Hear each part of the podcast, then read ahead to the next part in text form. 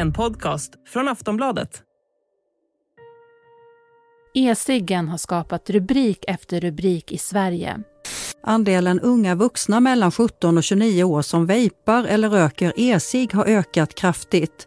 Detta enligt en rapport från Centralförbundet för alkohol och narkotikaupplysning. E-cigg och vitt snus så tidigt som i mellanstadiet. Alltså enligt tobaksindustrin är de tobaksfria men de innehåller, de innehåller skyhöga mängder nikotin som är framställt av tobak. Så att, frågan är hur tobaksfria de är eh, på riktigt. Ja, larmen om e-cigaretter har varit täta och en rapport från Centralförbundet för alkohol och narkotikaupplysning har alltså visat att det ökar bland unga vuxna. Är det så att en helt ny generation av nikotinberoende håller på att skapas? Vad behövs i så fall för att bryta den utvecklingen? Hur farliga är e-cigaretterna egentligen? Och skulle ett smakförbud i Sverige göra skillnad? Man köper en förpackning med lite olika smaker och så delar man på det som smågodis. Det pratar vi om i Aftonbladet Daily. Jag heter Eva Eriksson. Gäst är Magnus Lundbäck, hjärtläkare på Danderyds sjukhus och docent vid Karolinska institutet. Magnus har forskat på tobak och alternativa tobaksprodukter de senaste tio åren. Vape, e-cigg, är det samma sak? Det är exakt samma sak, eh, vape och e-cigarett. Eh, det, jag vet inte vart det där, vaping, jag tror att det kommer, ordet kommer från vapor, alltså att det är en ånga som, som bildas eh, när man använder e-cigarett. Det där dök upp, först var det bara ren, som en ren, så det, alltså det var något populärt namn bara som användes bland de som använde det. Men nu är det liksom fullkomligt etablerat så nu används det även i forskningssammanhang. Så att när jag skriver en forskningsartikel om e-cigaretter så, så använder jag ordet vape eller vaping. Så att det, det är nu fullkomligt etablerat. Tidigare så, så pratade vi om e-cigarette usage och, och så vidare men, men nu är det vape som man använder. Kan inte du förklara lite grann vad det är som händer just nu? För du är inne på att eventuellt så kan det vara så att en ny generation av nikotinberoende skapas.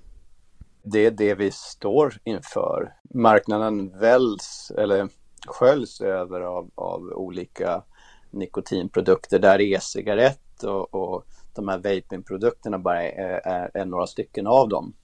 Sen så finns det andra produkter som olika snusformer, vanligt snus, vitt snus.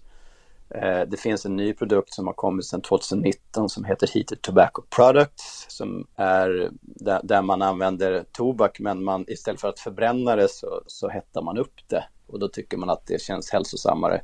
I alla fall är det det industrin pratar om.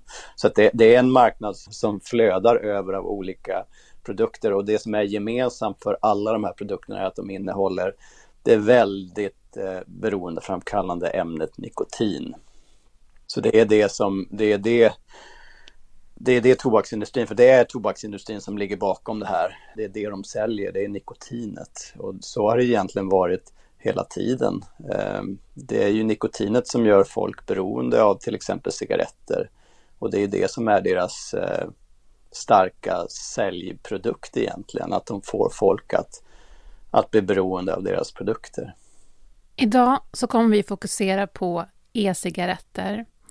Varför tror du att det ökar bland unga vuxna? Alltså det, det är ingen slump att det är så. Eh, tobaksindustrin då som ligger bakom det här, de, de pinpointar barn och unga och unga vuxna i sin marknadsföring. Eh, för att komma åt dem. Och de, eh, de tillverkar produkter som är anpassade för att eh, barn och unga ska tycka om det. Och det är med, då med smaktillsatser, med utseende och allting. Det finns ju tusentals olika smaker till exempel av, som, som är så här uppenbart eh, riktade mot barn. Det är fruktsmaker, godissmaker, läsksmaker. Eh, och även liksom, designen är gjord för att det ska appellera till, till unga. Så det är ingen slump att det är unga som nu börjar använda det här på väldigt, i väldigt eh, hög grad. Det är för att det anpass, alltså, man har anpassat marknadsföring och produktutveckling efter att appellera till unga. Det här är en industri, tobaksindustrin är en industri som, som årligen eh, alltså, orsakar 7 till 8 miljoner döda över hela jorden med att sälja cigaretter. För det är, det, det är den siffra vi har. Varje år så dör det 7 till 8 miljoner människor på grund av de produkter som, som tobaksindustrin säljer. Och nu vill de sälja andra saker som de påstår är hälsosammare och så har man förpackat om det lite till annorlunda produkter och så siktar man in sig på, på barn och unga. Är det farligt med vape? Vad säger egentligen forskningen? Aftonbladet Daily är strax tillbaks. Hej, jag Ryan Reynolds. At Mint Mobile, we like to do the opposite of what Big Wireless does. They charge you a lot, we charge you a little. So naturally, when they announced they'd be raising their prices due to inflation, we decided to deflate our prices due to not hating you. That's right. We're cutting the price of Mint Unlimited from $30 a month to just $15 a month. Give it a try at mintmobile.com slash switch. $45 upfront for three months plus taxes and fees. Promote for new customers for limited time. Unlimited more than 40 gigabytes per month. Slows. Full terms at mintmobile.com. Bara lite kortfattat så att alla är med. Alltså e-cigg, vad innebär det? Hur fungerar det i praktiken? Den består egentligen av, av två huvuddelar. Det är dels en, en anordning som, som hettar upp eh, en vätska, en e-cigarettvätska. Och den här e-cigarettvätskan den, den kan smaka olika, den kan innehålla olika mängder av nikotin. Och, och, när den här upphettas då så kan man sedan andas ner en ånga som bildas. Så det, det är inte som i fallet med, med cigaretter att det, det sker en förbränning, att någonting brinner, utan det hettas bara upp och bildar en ånga som man sedan andas ner på samma vis som när man röker. Är det farligt med vape? Jag skulle säga att det mesta talar för att det är det. Eh, för att vi, för det första så vet vi att det innehåller nikotin och nikotin är ett skadligt gift. Förutom att det är beroendeframkallande så har vi sett i våra studier att det påverkar blodkärlen negativt, det gör dem stelare, det påverkar luftvägarna negativt och, och gör dem liksom trängre. Vi har sett att eh, i en studie som vi precis nyligt eh, har fått publicerat här under sommaren att, att proppbildningen ökar eh, av nikotinet i, i e-cigaretten. Ehm, så att visst är det skadligt och vi vet också att andra produkter såsom snus är kopplade till flera olika eh, skadliga effekter. Det är en ökad risk för diabetes, man har en ökad risk för att få eh, att dö i hjärtinfarkt och stroke. Eh, och de studier som vi gör är ju, alltså när man tittar på till exempel kärlstyvhet, att det påverkar kärlstyvheten är ju i förlängningen så ju stelare kärl man har desto, ökad, desto större risk har du för att få hjärtinfarkt och stroke. Jag, jag, är rätt säker på att det är skadligt, men vi har inte sett det ännu i eh, befolkningsstudier. För att de studierna, det här är effekter som tar tid på sig att utvecklas och eh, de här, och än så länge är e-cigarett ett lite för nytt fenomen för att man ska kunna se det på i befolkningsstudierna. Men de experimentella studier som vi gör med akuta effekter, där ser vi många eh, dåliga egenskaper av e-cigarett. Det finns ju även utan nikotin i, eh, men då kanske med smaksättningar och så. Är det skadligt? Va, vad vet man om de här utan nikotin i?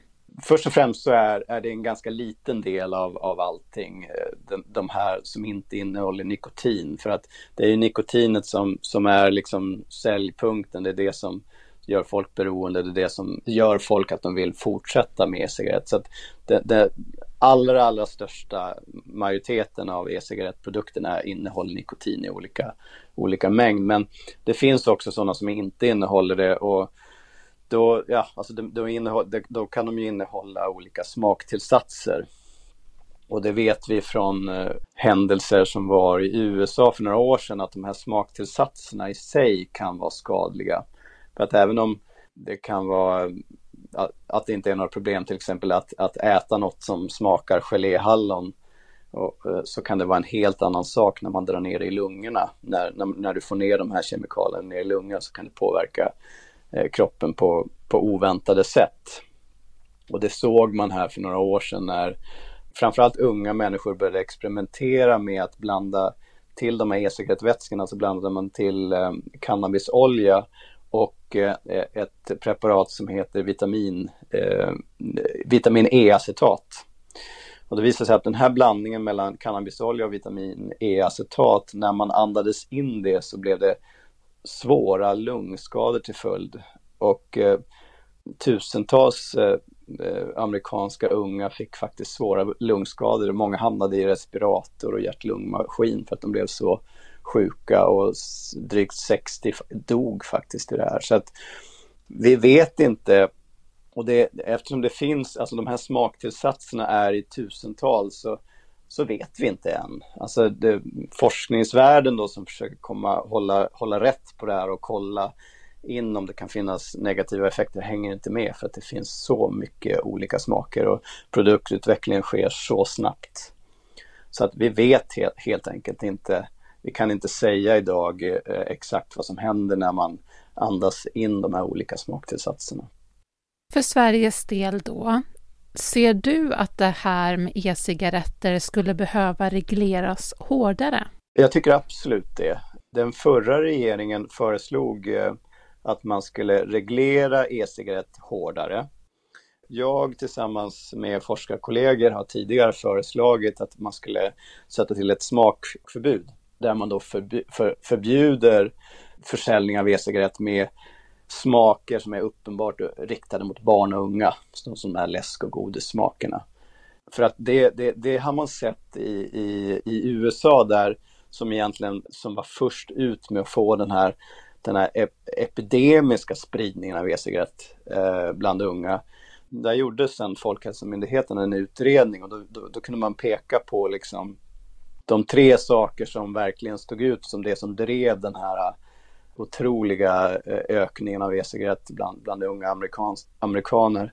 Då var det liksom, det var den där extremt snabba produktutvecklingen, det var ett ständigt ökat nikotininnehåll och så sen de här uh, smakerna och smaktillsatserna som appellerade till ungdomar.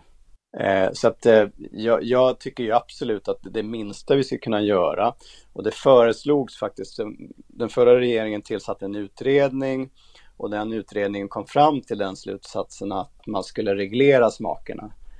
Eh, men det här förslaget när det togs upp i riksdagen eh, förra sommaren så röstades det ned. Det här smakförbudet som föreslogs. Eh, så att nu, nu, nu har vi vad gäller smaker en helt oreglerad marknad och Eh, vi ser resultaten idag. Det är inget snack om saken. Eh, de unga appelleras till det här och de tar in sin information från massa olika kanaler från, från TikTok och, och Youtubers och influ olika influencers på sociala media. Och de får egentligen inte någon sann bild av e-cigaretter som de tar in det här som bara är ren marknadsföring eh, från, från tobaksindustrin. Well, Australia is set to introduce tough new restrictions on vaping. Australien verkar ha en rätt hård approach, visst är det så? de har reglerat det stenhårt. Och jag tycker att deras hälsominister Mark Butler, han, han sa så här, eh, för att citera honom. Eh, stora tobaksföretag har tagit fram ytterligare en beroendeframkallande produkt, svept in den i glansiga förpackningar och lagt till söta smaker för att skapa en ny generation av nikotinmissbrukare. Och det, det är precis, precis det det handlar om. Och här har man från regeringshåll fattat vad det handlar om och förstått det vi i Sverige inte förstått. Att det är tobaksindustrin som ligger bakom. De vill sälja, sälja sina produkter. De bryr sig inte om vår folkhälsa. Utan de bryr sig bara om att få, få sälja det de vill sälja. Så att Australien har reglerat det stenhårt. Eh, och det är med smakförbud och de har eh, verkligen satt starka regler för användning och försäljning i sitt land. Men det är för att de har förstått det här. Och det, det borde, borde vi i Sverige också kunna förstå. En av de invändningar som riksdagsmännen som då röstade ner det här förslaget förra sommaren hade var att det inte fanns någon citat svensk forskning på området. Och det gör det ju. Jag och många med mig forskar på det här men framförallt så, så behöver man inte Även om vi inte hade gjort det så kan man alltid titta på andra länder och se hur det ser ut där. Och då ser vi i USA har man känt att man var tvungen att reglera det. I Australien så har man sett att man måste reglera det och i många andra länder har man förstått att det här nog inte är något bra eh, och som i, i slutändan kommer att vara dåligt för folkhälsan. Det sa Magnus Lundbäck, hjärtläkare på Danderyds sjukhus och docent vid Karolinska institutet. Du har lyssnat på Aftonbladet Daily med mig, Eva Eriksson, och vi hörs snart igen. Flexibility is great. That's why there's yoga. Flexibility for your insurance coverage is great too. That's why there's United Healthcare Insurance Plans. Underwritten by Golden Rule Insurance Company, United Healthcare Insurance Plans offer flexible, budget friendly coverage for medical, vision, dental, and more. One of these plans may be right for you if you're, say, between jobs, coming off your parents' plan, turning a side hustle into a full hustle, or even missed open enrollment. Want more flexibility? Find out more about United Healthcare Insurance Plans at uh1.com. Du har lyssnat på en podcast från Aftonbladet. Ansvarig utgivare är Lena K Samuelsson. Tired of ads barging into your favorite news podcasts? Good news. Ad-free listening is available on Amazon Music. For all the music plus top podcasts included with your Prime membership. Stay up to date on everything newsworthy by downloading the Amazon Music app for free or go to amazon.com slash news ad free. That's amazon.com slash news ad free to catch up on the latest episodes without the ads.